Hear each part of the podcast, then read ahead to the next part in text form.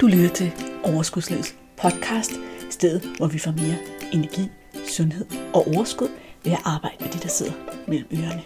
Din vært er life coach og sundhedsundern Malene Dollerup. Lad magien begynde. Venner, velkommen til endnu en episode af podcasten. Synes I ikke, at det er tid til et interview? Er det ikke lang tid siden, at vi har haft gæster i podcasten? Jo, det er det, og det her, det bliver godt. Du kan godt glæde dig. Inden vi kaster os ud i de kloge ord fra Maiken, så vil jeg faktisk lige citere hende lidt, bare for at tise dig lidt til at lytte videre. Det første lille guldkorn, jeg virkelig bed mærke i, det er det her. Når du kritiserer dig selv, nedsætter du din egen motivation. Her er et andet citat fra Maiken. Vi har brug for at få lov at være ufornuftige. Og den her. Du bliver aldrig lykkelig af at leve et liv efter dit behov for andres anerkendelse. Du skal være din egen bedste ven. Det handler om, hvordan vi taler med os selv, og ikke til os selv. Kan det mening? Eller gjorde det dig nysgerrig? Så værsgod, glæd dig til alle tids gode interview. Velkommen til Overskudslivets podcast. I denne her episode, der skal vi tale, eller du skal møde Maiken Jul.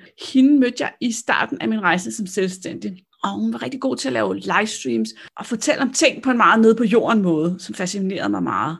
Og hvis du har lyttet med før, så ved du også, at det er sådan, jeg foretrækker tingene. Det skal være, så vi forstår dem inde i vores hjerne. Maiken, hun er specialiseret i indre dialog og optimering af tanke, følelses- og handlemønstre. Det psykologiske fundament er skematerapi og metakognitiv terapi, kombineret med værktøjer, som hun selv har udviklet. Og udover at holde foredrag og businesspartnerforløb, har hun skrevet bogen Styr på tankerne, som handler om at have indre dialog med det her sådan, indre barn, som vi alle sammen har. Og jeg elsker det begreb, fordi jeg virkelig føler, at det er en rigtig sigende beskrivelse af en side, som vi alle sammen har.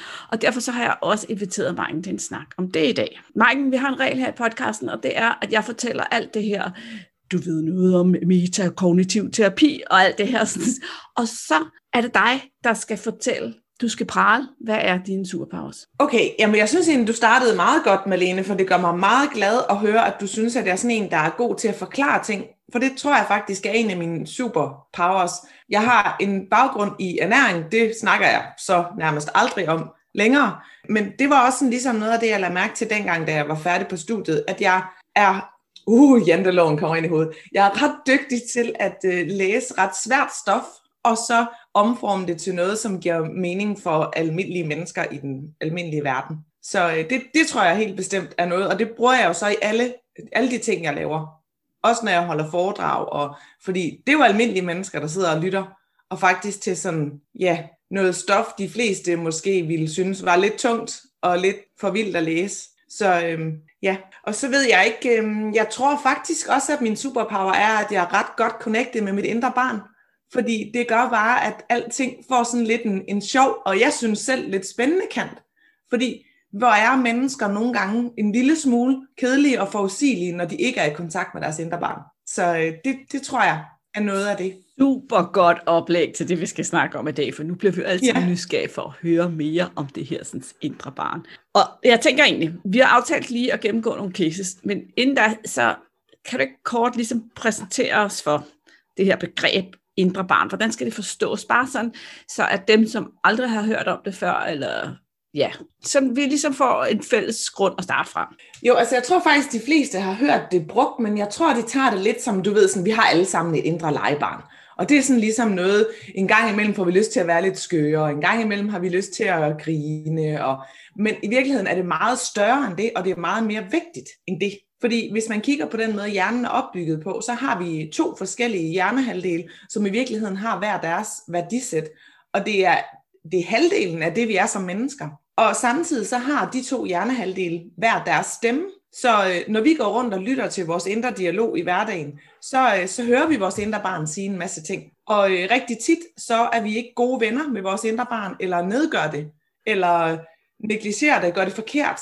Så altså for mig er det her, og nu, det her, det ved jeg godt, det lyder absurd, men for mig er det her nøglen til alt det, vi forsøger at løse i den her verden. Det er den her indre dialog, det er, hvordan vi taler med os selv, fordi lige meget, hvad vi vil opnå her i livet, om det så er at drive en meget stor, succesfuld virksomhed, eller det er at øh, få et større øh, selvværd, elske os selv, øh, elske vores krop, altså blive selvstændig. Det hele handler om den, den indre dialog, og hvordan vi taler med os selv. Ikke kun til, det er ikke til vores indre barn, det er hvordan vi taler med os selv. Den relation, vi har med vores indre barn. Ja, fedt. Jeg plejer også rigtig tit at sige til mine klienter og dem, der følger mig, at de skal tale lidt mere med sig selv.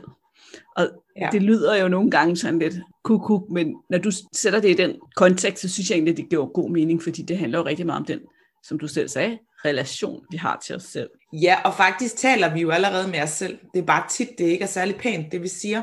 Ja. Jeg plejer også tit at snakke om det her med den der relation, der er imellem, øh, det hedder faktisk den kognitive adfærdstrækant, men relationen mellem tanker, følelser, kropslige fornemmelser og adfærd. Mm. Hvordan det hele hænger uforløseligt sammen. Så hvis vi går rundt for det første og taler grimt til os selv, så, tal, så skaber vi negative følelser, og vi skaber ubehag i vores egen krop. Vi får jo ondt i maven. Hvis ikke vi kan finde ud af, du kan også se på den, den anden vej, hvis du har nogle følelser i kroppen, du ikke kan finde ud af at sætte ord på, jamen så kan du spise på dine følelser. Det snakker man jo også rigtig meget om, ikke? Og det er, hvis du får undertrykt det barn og får det gjort forkert, jamen så ender det bare med selv at spise ting. Jeg ved godt, det lyder skizofrent, men det er jo rent faktisk det, der sker. At ens krop gør noget, selvom man sådan rationelt ville ønske, man ikke gjorde det. Ja, og det er jo også simpelthen en af grundene til, at jeg har inviteret dig i dag, fordi det er jeg ret sikker på, at der er rigtig mange af lytterne herude, som genkender. Jeg plejer at sige den der, når vi har den der dialog med os selv, hvor vi hele tiden er den skrappe, onde mor, der går rundt og pisker os selv. Det var egentlig en meget fin måde, du også beskrev det på. Jeg tænker, Maiken, jeg vil gerne lige høre det her med, da du virkelig forstod konceptet med det indre barn. Hvordan gjorde det så en forskel i dit liv? Oh, det kunne være et meget langt svar, jeg kom med her. Så hvordan gjorde det en forskel i dit liv på fem minutter? øh, jo, altså, det gjorde jo hele forskellen. Det har ændret alt i mit liv, helt oprigtigt, det har det, fordi at jeg har altid hadet mig selv. Jeg har altid haft en virkelig, virkelig destruktiv indre dialog. Jeg har så ikke haft problemer med overvægt, men jeg har haft problemer med alle mulige andre ting, altså i forhold til, at jeg overhovedet ikke havde noget selvkærlighed. Og øhm, det eneste, jeg egentlig brugte tiden på, det var at fortælle mig selv, hvor uintelligent jeg synes, jeg var, hvor dum jeg synes, jeg var, hvor kedelig jeg synes, jeg var. Og jeg var slet ikke klar over, at jeg jo selv skabte følelsen, fordi det var jo mig, der sagde det til mig selv. Altså at virkelig være klar over, at den måde, vi taler til os selv på, det er os, der skaber følelsen. Det er ikke andre mennesker. Der er ikke nogen omkring os, der, der kan røre os, hvis vi taler ordentligt med os selv. Så det var jo det, der sådan gik op for mig, og jeg har altid været i den her offerrolle øh, med, at øh, du ved, jeg synes ikke, jeg havde nogen venner, og jeg lukkede mig ind, og når jeg så fik mig et arbejde, så turde jeg ikke at sige noget på jobbet, fordi at det var jo sikkert bare dumt, det jeg sagde. Og så det, der jo skete for mig, det var øh, efter jeg havde været arbejdsløs i næsten tre år, hvor det gik op for mig, at jeg kunne faktisk stå op for mig selv, og jeg kunne faktisk passe på mig selv, og jeg kunne hjælpe mig selv med at få de jobs, jeg gerne vil have. Øhm, så det startede den vildeste selvudviklingsrejse, som jo også har gjort, at jeg nu er selvstændig og har skabt et arbejdsliv, som mit indre barn synes er sygt sjovt. Og jeg tjener mere, end jeg nogensinde har gjort før. Det synes min indre voksen er pænt sjovt. så det var bare lige den, den sådan helt, helt korte.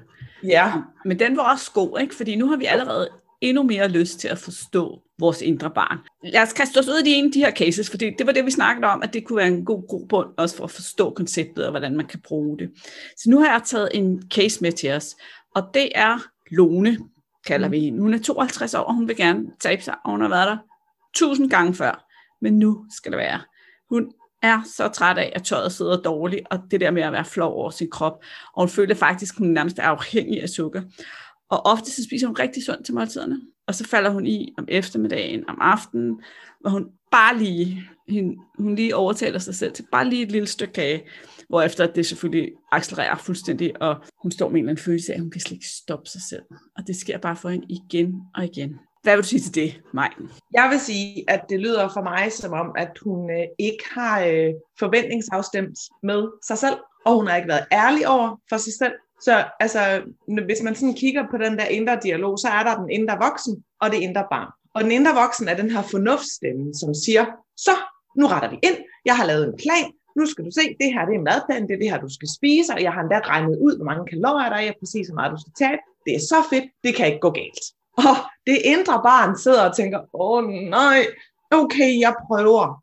Et, Et barn kan ikke selv sætte et vildt mål og komme i mål med det. Et barn er barnlig, et barn er ufornuftigt, et barn er øh, en hyggefis og en lækkersult, og et barn er også en, som, øh, som netop sådan, hvis man bliver ked af det og ikke bliver hørt, så spiser man også tit på følelserne. Men det prøver indre voksne at ignorere, og bare køre derud af, presser lidt, ikke? Men når man så presser lidt og ikke lytter, så er det der indre barn snyder sig lidt til at få noget af de lækre sager. Og så får man dårlig samvittighed, og det vil sige, i den indre dialog, så begynder man at skælde sig selv ud. Og det hjælper ikke noget, for så bliver man endnu mere splittet. Så det er ligesom for at bare beskrive, hvad er det egentlig, der er foregået. Så hvad skal man så gøre i stedet ja, for? det sidder jeg også og tænker. Ja. Så hvad skal Lone gøre? Hvad skal hun ja. sige til sit indre barn? Hvad, hvad er det for en dialog, du vil anbefale hende at have? Det starter faktisk allerede, inden hun øh, overhovedet er begyndt på den der kur, fordi det er gået galt allerede i planlægningen. Fordi du har, det er det samme som, jeg plejer til at lave sådan en sammenligning til, hvis du er mor, og du har et, øh, dit eget lille barn på tre år, og du siger til hende lørdag morgen, så skal der gøres rent i hele huset, og du øh, laver en lang liste af ting, du, hun skal i gang med, og så giver du hende bare listen, og så går du ja. Hvad er oddsene lige for, at det lykkes det der? Så man har, at man har sat sig selv op til at fejle, inden man overhovedet er gået i gang, fordi man ikke har haft den der ærlige snak med sig selv, som, som jo skal være så ærlig, at man lytter til indre barnet, der måske siger, det kan jeg ikke det her. Og så skal man være nysgerrig på, hvad er det du ikke kan? Hvad er det, der vil være allersværest for dig at undvære? Hvordan kan jeg hjælpe dig? Altså det er virkelig sådan at sætte gang i sådan en rigtig sådan dyb og helt ærlig og selvkærlig snak med sig selv. Så altså, spørg ind til, hvad er det, du elsker at spise, og hvorfor vil det være svært, og også give noget empati og forståelse til en selv. Det kan jeg virkelig godt forstå, og det kan være, at man for eksempel siger, jamen, jeg synes bare, når jeg sådan er kommet hen til om eftermiddagen, så øh, kan jeg slet ikke overskue at spise det der sunde, for jeg kan faktisk ikke engang lide det, og øhm, så, så kommer jeg bare til at spise noget lækkert. Og så sige til sig selv, det forstår jeg godt, du elsker jo også virkelig chokolade. Ja, jeg elsker virkelig chokolade. det, altså det er et spørgsmål om at begynde at få den snak, og, så man kan lave nogle aftaler, man faktisk kan overholde. Det er jo det, der går galt. Det er jo, det er jo man får, man får lavet nogle, nogle krav, som man ikke selv kan leve op til. Så hvis man nu lavede en aftale, man kunne leve op til, og så skulle man anerkende sig selv, fordi man har kun spist et stykke kage. Det er flot. Ja, så sådan en aftale kunne for eksempel være, at lige nu, der hvor vi er, der bliver der plads til et stykke kage om eftermiddagen. Mm-hmm. Mm-hmm. Og når man så kommer til at spise en halv citronmorgen, så er, det jo, så er det jo så nøglen er, at man ikke skal skælde sig selv ud, og det er super svært. Men jeg tror, jeg plejer tit at snakke om, at øh, det er en, en meget stor vane for os, at løsningen på noget, der er forkert, det skal ud. Men det, der sker, det er bare igen, at vi splitter os fra os selv. Altså, vi bliver ligesom sådan, øh, vi er ikke vores egen bedste ven. Vi er ikke vores egen, man snakker også om reparenting. Vi er ikke en god mor for vores eget indre barn, når det er, vi skælder os selv ud. Vi er simpelthen nødt til at tilgive. Altså, den, det, det det værste, der kan ske, det er, når den indre dialog er splittet, så samarbejder vi ikke, og så er der ikke noget, der kan lykkes. Ja, så det er lidt ligesom sådan, hvis du har spist hele citronmånen, så er det lidt ligesom at tænke, nå ja, men måske kom jeg også lige til at sætte mit, mit barn, mit treårige eller femårige barn, alene i et rum foran slikskålen et par timer og forvente, at hun ikke skulle spise det. Ja, fordi ved du hvad, du, og det er virkelig godt, du siger sådan, det er jo det, der sker, når du sidder og spiser den citronmorgen, Du er der jo stadigvæk. Du ser jo ligesom, at du selv gør det, men der er ikke nogen, der reagerer, fordi du har taget skyklapper på. Så i stedet for, at beholde skyklapperne på, og så bare sige, na, na, na, na, na, na, na, så ligesom vågne op og så sådan sige, jeg kan godt mærke, at jeg spiser den her citronmåne nu, men jeg tillader mig selv at gøre det. Tag ansvar på dine egne handlinger. Fordi det er jo det, der er. Det er jo der, hvor det bliver skizofren. Hvordan kan vi skælde os selv ud? Vi var der jo. ja. Altså, det er jo lidt ligesom, at du sidder ved siden af dit barn, som sidder og kører et kilo slik ind, og så lige så snart posen er tom, det gjorde du fandme ikke. Nej, er du klap. Se, du er i øvrigt også ret fed, ved du godt det. Siger man det til et treårigt barn? Det gør man jo ikke. Hvis man gør, så man æder med min onde mor. ja, og det er jo tilbage til det der med, at jeg siger, at vi er den onde eller den skrappe mor ja, over for ja. os selv, i stedet for at være den kærlige mor. Vi vil komme så langt med at være den kærlige mor. Ja. Og jeg, jeg tænker også, jeg oplever tit hos mine klienter, at de så siger, at når jeg så er alene, så går det helt galt for mig. Og det tænker jeg også, det kunne man også godt sætte i en kontekst med den der med, men vi er der jo selv, ikke? Så i stedet for, at vi er der for os selv, så forventer vi, at noget udefra skal være hos for os. Ikke? Hvis andre ser det, jamen, så kan jeg godt styre mig. Ikke? Mm. Så, Ja. så, så, så står vores mor og kigger på, at vi spiser slikket og siger nej. Men hvis det kun er mig, der er her, så har jeg, kan jeg ikke høre hende mere. Nej, altså det er åbenbart, fordi der er det, det, det der med at være flov over det, når andre er i nærheden, og når man så er selv, så kan man godt tage skyklapperne på. Men jeg synes jo, det er ærgerligt, fordi man tager jo også bare noget af fornøjelsen fra en selv. Jeg, jeg, jeg er jo fortaler for, at man skal give sig selv lov til at have de der fald i aftener. Altså på alle planer, hvor man, man falder så meget i. Min, mine to drenge i går, de har plukket ærter ude på vores øh, mark, hvor på en bondegård. Og så er de været inde i, i den nærmeste by og sælge de her ærter. Og der var for 140 kroner ærter, de havde solgt. Så sagde de, mor, må vi så købe slip for alle pengene? Og så var bare sådan, ja, gør da det, det er jeres belønning. Så gik de ind, og så købte de bare kage og slik og chips og for hele baduljen, ikke? Og da vi kom hjem, så sagde jeg til dem, I skal lige have en rugbrød med løb og steg, så kan I give den gas. Og så spiste de bare. Og da vi skulle i seng om aftenen og ud og børste tænder, så sagde de, åh, ondt i maven, mor. Men det var jo en stor oplevelse for dem, og jeg gav dem lov til, altså det er ligesom med vores eget indre barn, vi har, vi har så brug for at få lov til at være enormt ufornuftige og egoistiske og barnlige nogle gange, og uden at skælde os selv ud. Jeg tror på, at det er meget bedre at beslutte, at man har de her dage, og så, øh, og så ellers bare sådan, altså du ved, anerkende sig selv for, at man har de her gode dage, og så give sig selv belønninger en gang imellem. Jeg tænker også, altså hvis vi igen, skal sætte det i kontekst til det der med, at man forestiller sig et rigtigt barn. Ikke? Mm. Så det her med, hvis, hvis vores børn har spist, så de har mega ondt i maven til en eller anden fødselsdagsfest, eller er slet ikke fordi de har fået lov, eller sådan noget, mm. så kunne vi finde på at sige, okay, men hvad lærte du af det? Kunne du tænke dig at gøre det anderledes en anden gang? Yes. Sådan, altså, sådan lidt nysgerrig, og så tage den derfra, i stedet Ja. for at ligesom, hold da op, hvor er I nogle idioter, I spiser alt det slik. Det kunne I sgu da nok have regnet ud af, det ville I få i maven af at få det dårligt. Mm. Og, så kommer vi ingen vegne, mens hvis vi omfavner den om, oplevelse, okay, det var faktisk ikke super fedt. Måske skulle vi gøre det anderledes en anden gang. Så skal vi Ja. lige udvikle os, ikke? Og det, Det- vil vi jo gøre til børnene tit, ikke? Altså, det vil jeg i hvert fald med mine lige børn. øjet der, Malene. Det er virkelig smukt, fordi det er jo det, der sker. Fordi altså, når vi bliver ved med at skælde os selv ud, så bliver vi ved med at holde vores indre barn i, som sådan en inkompetent, udulig, lidt ulækre, øh, klam ting. Ikke? Men vi kan faktisk øh, få os selv til at vokse med opgaven, ligesom vi gør med vores børn. Så det er jo præcis det der med, at hvis du har et, en halv eller en hel citronmåne, så skal du ikke bilde mig ind, at man ikke har en lille smule kvalme. Så når også lige spørger, hvordan, hvordan føles det, og sådan, øh, er det, er det fedt, sådan, altså være nysgerrig, i stedet for at give sig selv svaret, og gøre sig selv forkert. Så kan man godt sidde og tænke, hmm, ja, det kan egentlig godt være, at jeg egentlig øh, hellere måske vil have noget med en kvart citronmåne, og så spise den lidt langsommere, for så havde jeg ikke fået kvalme, men jeg har stadigvæk haft den der gode smag i munden i lang tid. Altså, Nu bliver det ved, jeg kan simpelthen ikke fordrage citronmåne. Jeg får, ej, det var virkelig dårligt eksempel. Ej, ved du hvad? Vi har i stedet for sådan en super lækker hjemmelavet brownie, fyldt med luksuschokolade. Ikke? Ja, eller jordbærterte. Alle elsker jordbærterte, er det gået Ja. for mig. Men ja, det tager vi i så den stedet der citronmåne. Uh, men det er jo fordi, det der med, hvis vores indre barn selv kører sit trip, ikke også? så er vi inde i sådan et, du ved, lidt en kuppel, og så spiser vi hurtigt, og vi ved, at vi gør noget forkert, så vi er inde i sådan en, hvor vi egentlig ikke rigtig nyder det så meget, som vi kunne. Og det er bare ærgerligt. Hvis vi så i stedet for giver os selv lov til det, og sådan bare siger, jeg kan virkelig mærke, at jeg har brug for det her nu. Altså det er en selvkærlig handling. Så er der også bare meget mere nydelse. Ja, og når vi nyder det, det er også nemmere ligesom at stoppe, når nydelsen ikke er der længere.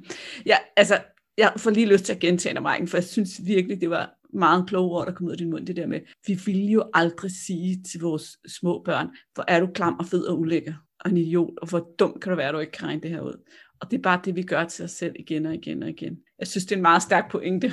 Ja, det er det, og det er også derfor, at mennesker har det svært. Det er fordi, vi skal jo huske, når hver gang du tænker noget, så skaber du en følelse af din egen krop. Og øh, det sker hver eneste gang, du tænker tanken.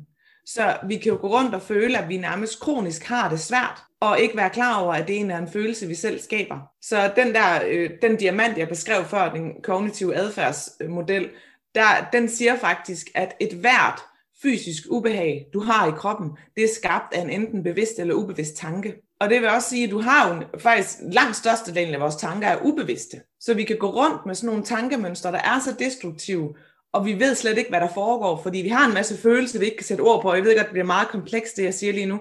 Men essensen i det her er, at det starter alt sammen med, at vi begynder at styre vores tanker. Og det, det kan vi lære alle sammen. Så det er det, jeg synes, der er fedt ved den her indre voksen, indre barn model, fordi det er en, en model, hvor man kan metodisk begynde at se på, hvordan ser den her indre dialog ud. Altså, taler vi grimt til os selv? Er vi, eller, eller har vi bestemt os for, jamen, jeg er sådan en, der elsker mad. Jeg er sådan en, som godt kan komme til at, øh, at hygge spise lidt. Og jeg er måske også overvægtig, og det er okay. Jeg synes ikke selv, det er pænt. Jeg kunne godt tænke mig altså virkelig være sådan fuldstændig ærlig over for sig selv, i stedet for at være sådan alienated og splittet indeni. Altså vi skal bare være vores egen bedste ven. Vi skal være en fantastisk mor for, over for os selv, også når det er, at vi har snydt os til at spise uhemmet i timevis. Så skal vi stadigvæk sige, hold da op, du var godt nok hygget, der var en lille skat. vores egen bedste ven. Ja, det var også en meget fin måde at sige det på. Ja. Ja, fedt. Ja, og, og, og endnu en super fed pointe, nemlig det der med, at vores tanker, de er bare tanker, og det kan rent faktisk ændre. ændres. De kan godt føles som om, det er sådan en mega sandhed, men når vi begynder at undersøge dem og kigge på dem, så kan vi også ændre dem. Mm. Det er fedt. Mm. Så hvis vi lige kigger på Lone, som før bare var skrab og sagde, nu følger vi de her regler, og ikke lyttede til sit indre barn, så bare lige for at samle op, så, fordi vi bevæger os jo af. så ja. var din anbefaling til Lone, at hun skulle starte der, hvor hun tog en ærlig dialog med sig selv om, hvad er det, hun godt kan lide, og hvad er det, hun har brug for, der skal ske, og hvordan kan man finde en vej, som rummer hende, alle sider hende. Er ja. det sådan?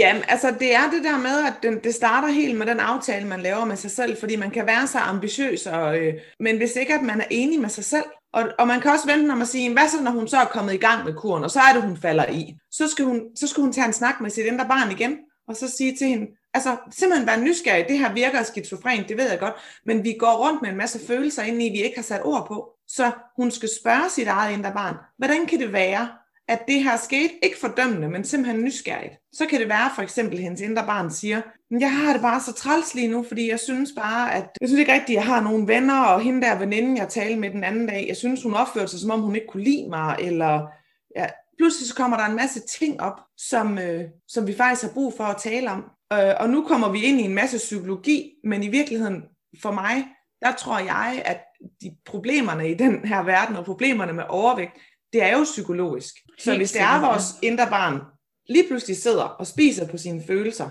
så skal vi jo finde ud af, hvad er det, hun føler, hvad er det, hun oplever. Så der vil jeg virkelig anbefale, hvis man har mod på det, og, øh, at begynde at have de her. Det er jo faktisk en form for coaching med sig selv, at finde ind til, hvad der ligger inde bagved. Og så vil jeg bare lige sige, at vores indre barn har ikke brug for, at der er noget som helst, der bliver fikset. Vores indre barn har ikke brug for, at andre mennesker bliver gjort forkert og kaldt idioter. Det har bare brug for at blive hørt og lyttet til, ligesom børn i virkeligheden. Og at vi forstår ja. os selv og rummer os selv. Og nogle gange er det måske nok bare at give barnet taletid. Mm-hmm. Vi behøver ikke ret højere ind altid, men bare det at have hørt den side af os selv. Ja. Ja. Jeg, jeg kom til at tænke på to ting. Så jeg skal lige huske dem begge to. Det første, det er, det jeg også tit hører fra lytterne og mine klienter, det er det der med, at de er så dårlige til at holde aftaler med sig selv, og det er et kæmpe stort problem at holde aftaler med sig selv. Og det synes jeg jo, hvis man ligesom sætter det op mod det her med, at vi glemmer at lytte til vores indre barn, så mm. er der jo en rigtig god forklaring på, hvorfor du igen og igen ikke overholder de aftaler, du lavede med dig selv. Det er fordi, du glemte til dit indre barn med på råd, da du lavede aftalen. Ja. Er, er det ikke rigtigt?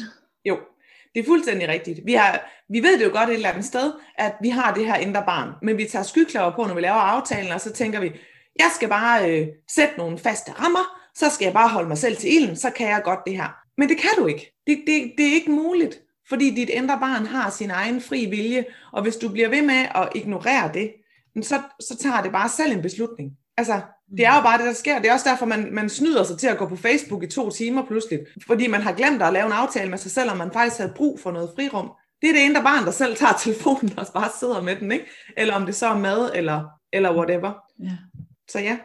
Så hvis vi vil føle os mere i kontrol, og føle, at vi er bedre til at holde aftaler med os selv, så er vi faktisk på en eller anden måde nødt til at anerkende den side af os. Ja. Yes. Det, du kan ikke bruge den der metode, der hedder, at jeg bare vil presse mig selv og skælde mig selv ud. Mm. Det kan du gøre i, i et øjeblik. I et øjeblik kan du tvinge dig selv at være hård ved dig selv.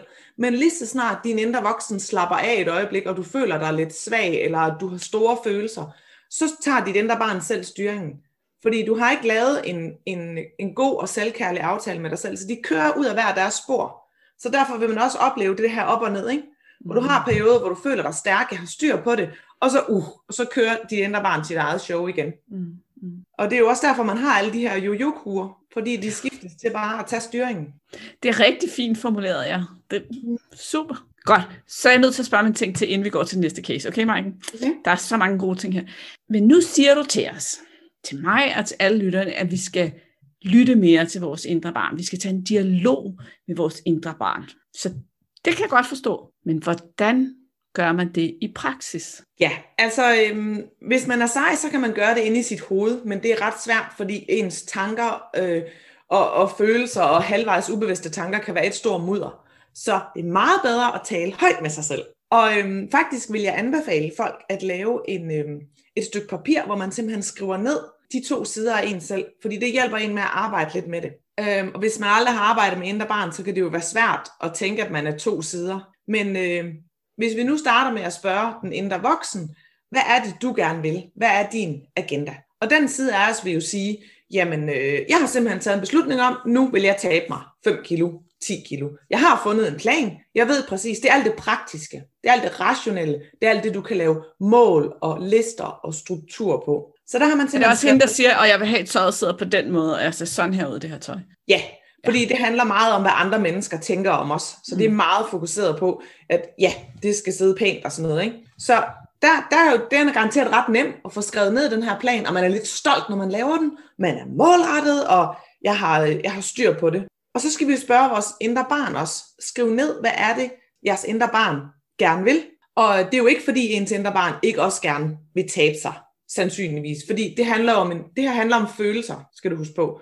Så det er den her følelse af, og hvis man føler sig lidt ulækker, eller man føler sig lidt slatten, eller det er jo nogle af de ord, vi kan bruge om os selv, ikke? det kunne vi da godt tænke os, at vi ikke gjorde. Men ellers generelt, så handler det her følelsesmæssige indre barn meget om at være, hvor det andet handler om at gøre. Så at være, det er den her følelse af, at øh, jeg har egentlig bare lyst til at nyde livet. Jeg har lyst til at elske. Jeg har lyst til at grine. Jeg har lyst til at lege. Jeg har lyst til at være ubekymret. Så herover der er der sådan en eller anden idé om, jeg har egentlig ikke lyst til at gå på nogen slankekur. Jeg har lyst til, at det skal føles godt i hvert fald. Så kan vi ikke bare sørge for, at hvis jeg skal spise sundt, så skal det kun være sådan nogle lækre ting. Så det er ligesom tankerne omkring slankekuren. Og så samtidig så er der bare en kæmpe stor boble af, af lækker sult, hyggefis, øh, luksusmad, øh, at god mad handler om det gode liv, og god mad er lidt fed og lidt sødt og lidt, det er vores indre barn. Og alle de her ting skal vi virkelig bare fagne som 50% af det menneske, vi er. Så det er for mig sådan hjælper med en med at se det her billede, at vi, de her to, de skal samarbejde. Du kan ikke bare køre den stringente plan med struktur og mål, fordi prøv lige at se alt det, jeg lige har beskrevet, vores indre barn er. Hvis vi bare ignorerer det, så kommer det til at boble op og selv tage styring. Så så hvis man har en forståelse for, det handler også om to værdisæt, to, mål, to måder at leve livet på, to måder at se en formål med livet. Og så skal vi så have den her samtale med os selv for at lægge planen. Så det var værdierne. Så ens indre voksen vil jo sætte nogle mål op, og det indre barn vil sige, jamen øh, hvis jeg skal for eksempel køre den her, kunne man lave en ugeplan for eksempel, Malene? Det kunne man godt, ikke? Jo, så kunne man lave en ugeplan. Jeg skal spise sådan og sådan og sådan. sådan. Ja, så du, den, den leger vi lige, den har indre voksen lavet. Og så sidder indre barn og kigger på den og sukker lidt. Så skal man mærke ind i, hvordan føles det. Og det, og det er altså ikke noget med, at øh, der er noget som helst, der er forkert. Hvordan føles det at kigge på den her plan? Og så kan man jo mærke efter, jamen kan man, tror man, der er en risiko for, at der er nogle steder, hvor der er, man har lyst til at falde i. Og så skal man lytte til det. Jamen hvad så med fredag? Må jeg ikke engang få noget lækkert fredag? Altså, sådan, altså det, det her indre barn, der bare er totalt lækker sulten. Hvad så, når jeg skal mødes med min veninde på café? Hvad, jeg, der kan jeg da ikke sidde og spise gulerødder, altså hvad har du lige tænkt? Og så sidder indre voksen og lytter, og så siger tilbage, ja, det kan jeg godt se. Men jeg tænker, hvis nu vi tager hen på den der lækre café, der har de jo sådan nogle mega lækre salater. Yeah, siger det indre barn så. Det, det kan jeg godt. Det kan, så kan jeg godt spise sundt, hvis jeg må få sådan noget lækkert noget. Det er godt nok lidt dyrt, siger fornuftig indre voksen. Men skidt, du er så sej, så det belønner jeg dig for. Kan du se, at man ligesom ja, laver ja, et eller andet system, i stedet for bare tage skyklapper på, og så køre ud af den her perfekte vej, som man aldrig kan holde sig til alligevel. Ja, super, super god måde at sige det på. Det, det er jo også det her med at tænke fremad og sige, okay, hvor er det, jeg synes, det er svært. Men du, bare lige for at blive helt konkret, så foreslår du egentlig, at man tager et stykke papir, skriver ned, hvad siger mit indre voksen? Hvad er det, jeg planlægger at gøre her? Hvad er det min plan, hvor det jeg gerne vil hen? Okay, hvad siger mit indre barn? Hvad forestiller jeg mig egentlig, det indre barn vil sige, når det bliver fredag, eller når jeg skal på café med veninderne, eller spise med familien, eller alle de her, sådan, og giver hende taletid, og så finder en løsning, som til gode ser begge sider. Mm-hmm. Ja. ja, og der er det altså vigtigt, at man er ærlig over for sig selv, fordi ellers så er det, at man lige pludselig går hver sin vej igen. Mm. Altså, fordi det kan jo godt være, at den der stemme lige pludselig siger, jamen, at man også kan mærke en ubevidst lyst til at lave total binge-eating fredag aften, fordi der er man alene hjemme, ikke? men man siger det ikke til sig selv, fordi at man er bange for at få skæld ud, så hjælper det bare ikke noget. Man bliver nødt til at turde være ærlig, så der er jo der er i hvert fald to ting, der er, noget af det, jeg også sådan tit op der, det er, at øh, folk faktisk øh, har brug for at slukke den der kritiske indre stemme, før de tør være ærlige over for sig selv. At den faktisk kommer før. Fordi at, at vi oplever, at hvis vi begynder at være ærlige over for os selv, hvad vi egentlig har lyst til, og hvor lækkersultne vi egentlig er, og hvor egoistiske vi er, det er jo en egoisme, som jo nogle gange, jeg synes egoisme, det er så træls, det altid bliver opfattet øh, som noget forkert. Man gør noget, der kun er for en selv, det har man lyst til at gøre nogle gange. Så skal man have fjernet den der kritiske stemme, før man virkelig tør være ærlig over for sig selv. Så det er også noget af det her arbejde, det er, at øh, når stemmen kommer, og vi siger til os selv for eksempel, du er så ulækker, eller hvad, hvad tænker du dog på, eller hvordan, hvordan har du kunne spise alt det der, det er da så klamt. Den, så skal vi altså lige sige, øh, hov, hov, hov, vil du godt lige tale pænt? Det var ikke særligt sødt sagt. Mm. Og man skal også ligesom lytte til det, der ligger bag stemmen. Så jeg plejer også at sige, at man kan sige tak for budskabet, der er noget, der tyder på, at jeg lige skal snakke lidt med mit indre barn og forventningsafstemme lidt med mig selv. Ja, og den kan jeg egentlig godt lide, den der strategi med, at vi nogle gange siger, okay, tak, hjerne, plejer jeg at sige til mig selv. Tak, ja. hjerne, det har vi hørt, men øh, nu skal vi også lige prøve at høre nogle andre sider, eller se det fra en anden måde. Se det på en anden måde. Fedt. Så vi slukker for vores kritiske indre voksen. Vi ligesom siger, tak, nu har vi hørt det, lad os lige kigge på den anden del. Og så, og så er det vel også et spørgsmål om, at første gang man måske prøver det her, så virker det sikkert fremmed og mærkeligt, og så bliver det nemmere hen ad vejen. Laver du stadigvæk papirer, eller er du sådan, så trænet det her, så det foregår bare op i hovedet? Ja, jeg gør det bare. Og jeg, er sådan, jeg har fået slukket så meget for min kritiske indre voksen, at, øh, at det er meget tydeligt for hende, når hun siger noget. Altså nu, øh, det er tit, når jeg er ude og holde foredrag, så spørger jeg ind til, om folk de øh, kritiserer sig selv øh, en eller flere gange dagligt, og det gør langt størstedelen faktisk. Jeg, jeg gør det slet ikke på daglig basis længere. Jeg gør det mest, når jeg gør noget, noget nyt, og noget, jeg synes, der er lidt farligt, og øh, sådan.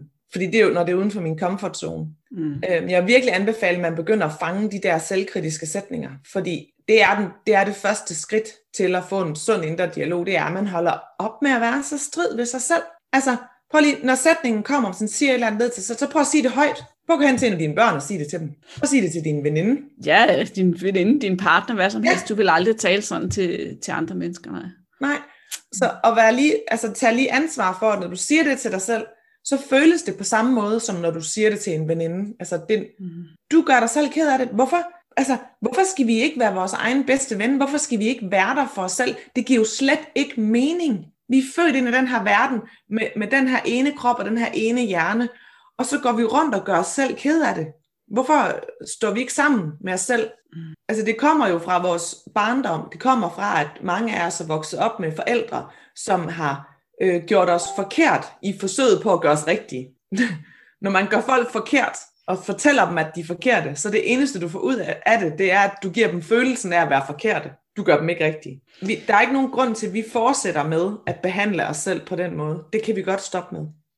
Ja, så vi skal være opmærksom på, at vi indtil nu har troet på ideen om, at det her med at være kritisk over for os selv, det holdt os på sporet, det fik os til at gøre de rigtige ting. Mm. Og nu har vi indset, at det har den modsatte effekt. Mm. Så nu kan vi give slip på det, fordi det gør kun situationen værre. Vi troede, det gjorde situationen bedre. Mm. Undskyld fortids mig. Men vi har indset, det gør det ikke, det gør det værre, så nu kan vi lave om på det. Fordi det er jo også det der med at turde give slip. Altså det har jeg vidderligt haft klienter, der næsten ikke har turde give slip på at være kritiske over for sig selv, fordi de er bange for, at det så gik helt galt. Men Ja. det går i virkeligheden helt galt, fordi vi er så kritiske over for os selv. Ikke? Ja, og ved du hvad, forskningen underbygger faktisk lige præcis det her. Der er lavet nogle studier, hvor øh, man ser på mennesker, det var så en, en gruppe af kronisk stressede individer, hvor man kiggede på øh, deres selvkritik, og man kunne se, at de nedsatte deres motivation og deres performance, når de kritiserede sig selv. Så prøv lige at tage den i kontekst over i, hvis man gerne vil tabe sig. Mm. Når du kritiserer dig selv, så nedsætter du din egen motivation. Og det, der sker i praksis, det er, du kritiserer dit indre barn, som du så sætter i en offerrolle. Og, og det at være i en offerrolle, det er indbegrebet af ikke at gøre noget. Så du ødelægger det for dig selv, når du kritiserer dig selv. Og ved godt, de virker jo øh, de virker ikke som noget, der er hold i virkeligheden, når man står i det, fordi man tror, at man kan presse sig selv til ting, men det kan man ikke. Man skal hen et selvkærligt sted, så, så kan vi opnå alt her i livet. Ja, fedt budskab. Vi skal hen et selvkærligt sted, så kan vi opnå alt her i livet. Elsker det, Maiken. Ja. Okay, skal vi ikke lige hoppe videre til den næste case? Jo. Hvad sker der mellem Helle her og hendes indre barn, og hvad for en dialog kunne hun med fordel have? Er du med på den? Ja. Så Helle, hun er 47, og har gennem årene stille og roligt taget mere og mere på. Og hun ved godt, at hun måske spiser lidt for meget af de her gode sager, og hun drikker måske lidt for meget vin. At hun har ikke rigtig lyst til at give det op. Men hun føler, at andre de kan godt se på hende, at hun bliver større og større, så hun føler, at hun bør gøre noget, fordi de andre kigger på hende, føler hun. Så hun beslutter sig for, at nu skal hun løbe træne fire gange om ugen, og hun skal cykle frem og tilbage fra arbejde. Det skal hun. Det har hun sagt til sig selv 100 gange. Men det er ligesom om, hun ikke rigtig kommer i gang. Det er ligesom om, det bliver ved med at være en eller anden undskyldning for lige at udskyde det til i morgen og til næste uge. Hvad sker der mellem Helle og hendes indre barn her? Og hvad er det, der skal ske? Altså det første, jeg tænker, det er, at øh, jeg synes, det er helt forkert, eller jeg synes, det er helt forkert at starte ens motivation baseret på, hvad man tror, andre mennesker tænker. Mm. Helt, helt, helt skævt i min verden. Fordi vi skal slet ikke leve vores liv efter, hvad vi tror, andre mennesker tænker. Altså, hun skal simpelthen starte med at få snakket med sig selv omkring, hvad hun helt oprigtigt synes om sig selv. Altså, ja, for mig der virker det bare som om, at det er hendes indre voksen, der siger til hende, at øh, øh, hun siger i virkeligheden indirekte, øh, jeg tror, andre mennesker tænker, du er ulækker. Altså, det kan aldrig nogensinde motivere hende til at komme ud og løbe. Det, det kan man ikke. Hun startede Mhm. et helt skævt sted, og så, så bliver jeg også sådan lidt nysgerrig på, jamen er hun, øh, øh, er hun usundt overvægtigt? Spiser hun egentlig sundt? Er hendes krop sund? Bør hun i virkeligheden bare få det bedre med det menneske, hun er, i stedet for at tænke over, hvad andre mennesker tænker? Det ved jeg ikke. Altså, det tror jeg, at vi to godt kunne blive enige om, at hun Ja. nok bare gjorde. Eller Ja. bare. Undskyld, hver gang jeg siger bare, så Ja, ja. lad os lige klippe det ud igen, ikke også? Fordi der er aldrig noget, der er bare. Men at det ville tjene hende meget bedre at være venner med det menneske og det udseende, hun var frem for at forholde sig til, hvad andre mennesker tænkte om hende. Men hvordan giver hun så slip på det? Jamen, det handler igen om den her indre dialog, som er, som er splittet. Altså, hvor hendes indre voksen er, kører sin egen agenda. Hun siger, jamen, øh, jeg tror, andre mennesker tænker, at du er lidt ulækker og lidt grim, og når hun kigger i spejlet, kan hun måske også mærke den her splittelse. Så står hun og kigger, og så tænker hun, ej, prøv lige at se den der, det der dæk, der sidder her. Måske hun også sådan og hiver lidt ud i det og trykker, og, sådan, og så siger hun til sig selv, ej, du er lidt ulækker, og jeg tror virkelig, andre tænker, du er ulækker. Og så er der jo en følelse indeni. Det her indre barn står helt alene og kan bare høre og mærke, jeg kalder mig selv ulækker. Der er ikke, øh, der er ikke noget med at, at øh, verbalisere følelserne. De er der bare som en følelse. Og det, jeg ved godt, at man sådan kan tænke, at der er der sørme der lang vej til at øh, have det godt med sig selv. Men det starter med bare at begynde at sætte ord på de her følelser og rumme og være i det og give det noget plads og noget, noget fylde. Øhm, og så begynder vi sådan at tænke over, jamen, øh, hvorfor er det, at jeg skal rende rundt og leve et liv efter andre menneskers anerkendelse? Du bliver aldrig lykkelig, hvis du kommer ud af den bane der. Never. Trust me. Når du så endelig har fået smidt et par kilo, så opdager man, hvor flade og lange ens patter lige er blevet. Altså, der er, så er der sgu altid et eller andet. Det bliver bare ved. Det gør det. Så det, det er meget bedre sådan at begynde at, at tænke over, jamen prøv, prøv, hvis nu du har fået et barn, som, øh, som ikke var særlig pænt, skal du så bruge hele barns barndom på at fortælle, øh, at det ikke er pænt? Altså, du er egentlig ret grim, ved du godt det. det, det jeg kan slet ikke være i det. Altså, når jeg hører sådan nogle ting, jeg tror, man kan fint nok snakke om, hvordan man skal motivere sig selv til at komme i mål med ting, men grundlæggende skal vi elske alt det, vi er. Og det betyder ikke, at vi er blinde over for virkeligheden. Det kan sagtens være, at man vejer 10 kilo for meget, og man kan stå i spejlet og tænke, der, der måske lige lidt 10 kilo for meget. Men husk lige at tage ansvar for dine egne følelser. Jeg kan også stå om morgenen, det tror jeg de fleste øh, kvinder, særligt måske plus 40, kigger sig i spejlet om morgenen, så tænker man, du kommer nok ikke særlig pæn. og, og, det er jo, og der kan jeg godt sådan tænke, men når jeg lige er vågnet, så er jeg ikke særlig pæn. Jeg har heller ikke sminke på i dag, som jeg virkelig plejer at gøre, men jeg vil gerne være i det her med, jeg er god nok, som jeg er. Hvis jeg ikke lige synes, at jeg er pæn, jeg er stadigvæk dejlig, jeg er stadigvæk sød, jeg er stadigvæk et, et skønt menneske, så vil jeg bare være med det. Og det skal vi også, når vi føler os overvægtige. Så skal vi bare ligesom stadigvæk elske det, vi er. Ja, yeah, så vi kommer fra det kærlige sted. Yeah. Og hvis der er noget, der skal laves om, så er det fordi, vi vil passe på os. Ikke fordi der er noget galt med os, men fordi vi gerne vil passe på os. Ja, vi vil have mm. endnu mere af det selvkærlige. Mm. I stedet for, at det er en sådan frygtbaseret handling, eller en, en følelse af at være forkert eller ulækker. Altså det skal være en, en, kærlig, en selvkærlig handling. Ja, yeah, det er så fint. Og jeg er jo meget, meget enig med dig, Maiken. Og så kunne jeg alligevel godt tænke mig sådan, bare lige for at lege med den her case, sige, hvad er det, der sker med alt det her motion, der ikke bliver lavet? Hvad er det, det indre barn gør her? Hvad for en rolle har det indre barn i forhold til Helles idé om, at hun skulle motionere noget mere? Altså man kan starte med at have en snak med sit indre barn, og så sige, Nå, hvordan kan det være, at du ikke øh, kommer ud og løbe, som jeg egentlig havde øh, dikteret, at du skulle? og så har vi altså dikteret. ja, det er en lidt en indre diktator, man har gang i, ikke? Så man kan starte med at være nysgerrig. Hvordan kan det være, at du ikke kommer ud og løbe? Og så kommer den her, åh, oh, jamen jeg gider ikke, det er så hårdt, og jeg fryser, og jeg synes, det er mega kedeligt. Altså, jeg synes simpelthen, det er så kedeligt. Og så synes jeg, det er helt vildt træls, når det så er hårdt, og så, så prøver du at presse mig, og så får jeg sidestik, og altså lyt til alt det der, der kommer ud. Fordi det er jo også tit det, der med sker, at man sætter de her hårde krav til en selv. Altså jeg har jo opdaget, at øh, det her med at løbe, det synes jeg kun er sjovt. Når øh, klokken er sådan cirka 7 om aftenen, og der er 25 grader udenfor, og der er helt vindstille, og fuglene piper på den rigtige måde, så synes jeg, at det er sjovt at løbe. Ellers så hader jeg det.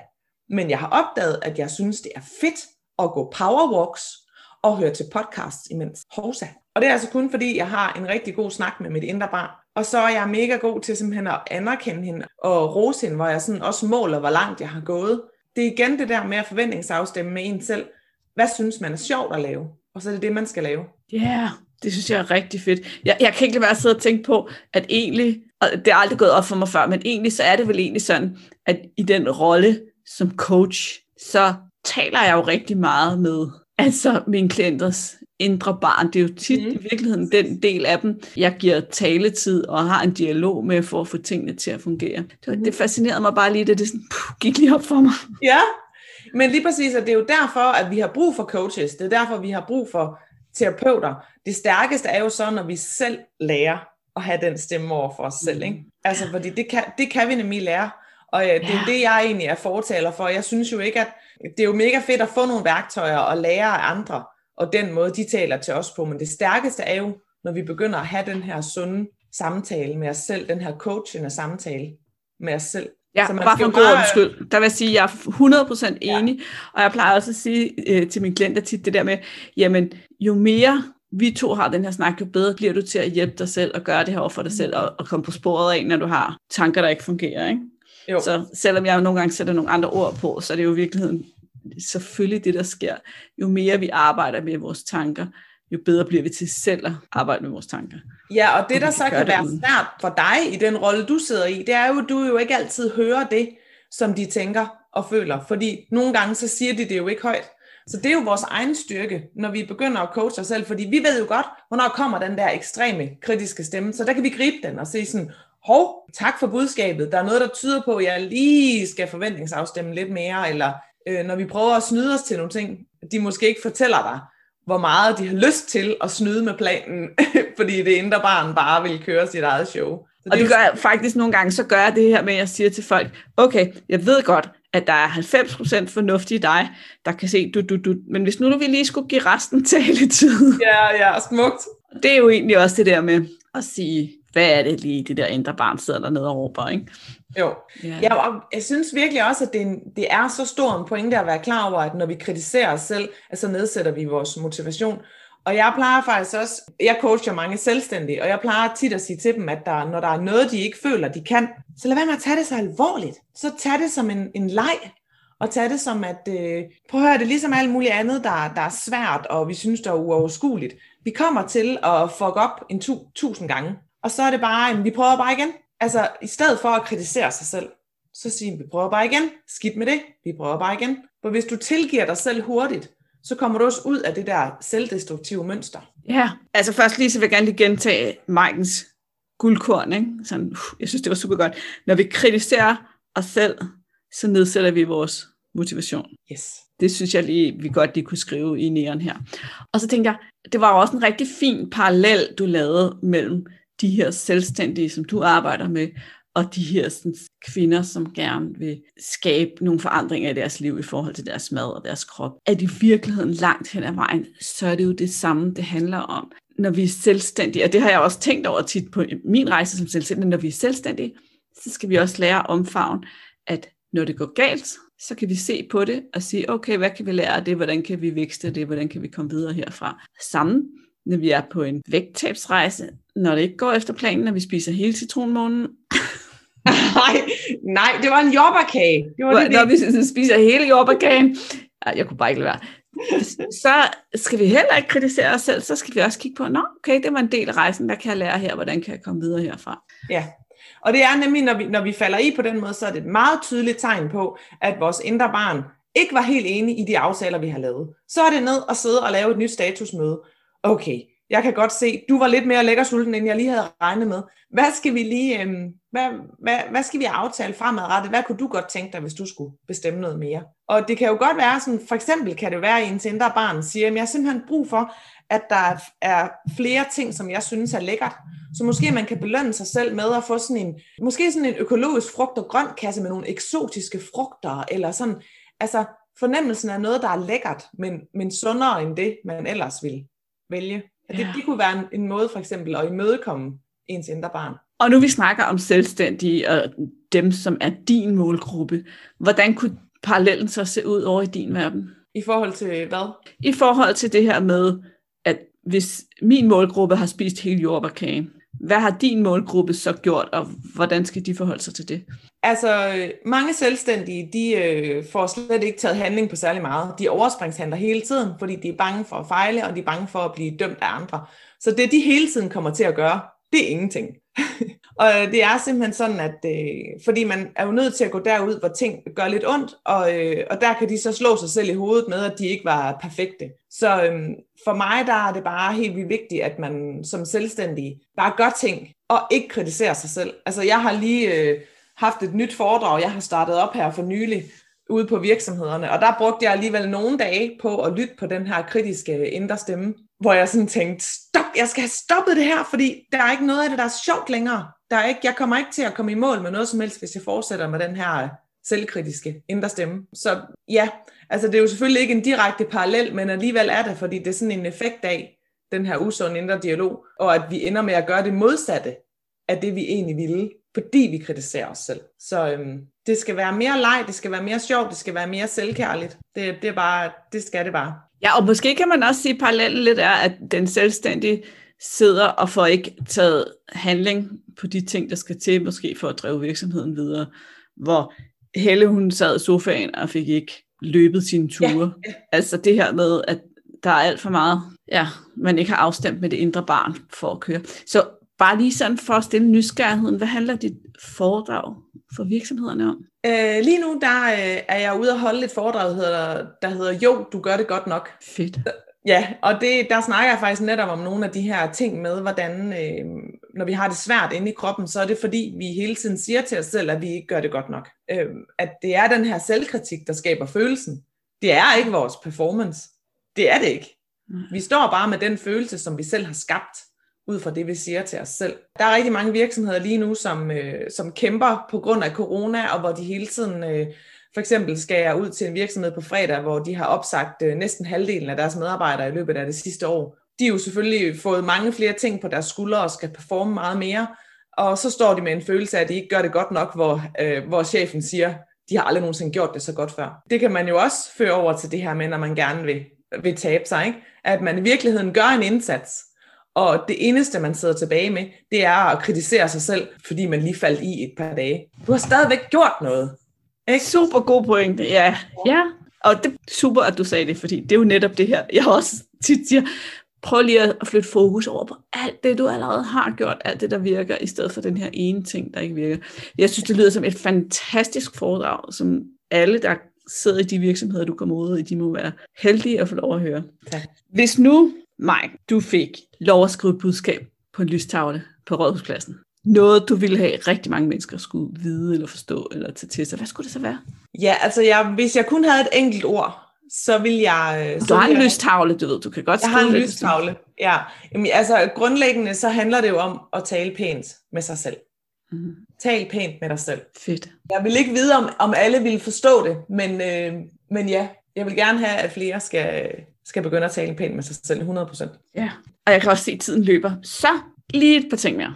Hvis du skulle give et tip til de lyttere, der sidder her i dag og har lyttet til, eller forstået, at det her med at få gang i den indre dialog, det er vigtigt for dem. Det er vigtigt for deres succes fremadrettet. Hvad skulle det så være? Noget, de måske kan gå ud og handle på lige nu her. Ja, men det er simpelthen at begynde at have de her samtaler med dem selv. Og, og virkelig ture være 100% ærlig og holde op med at, at føle skam.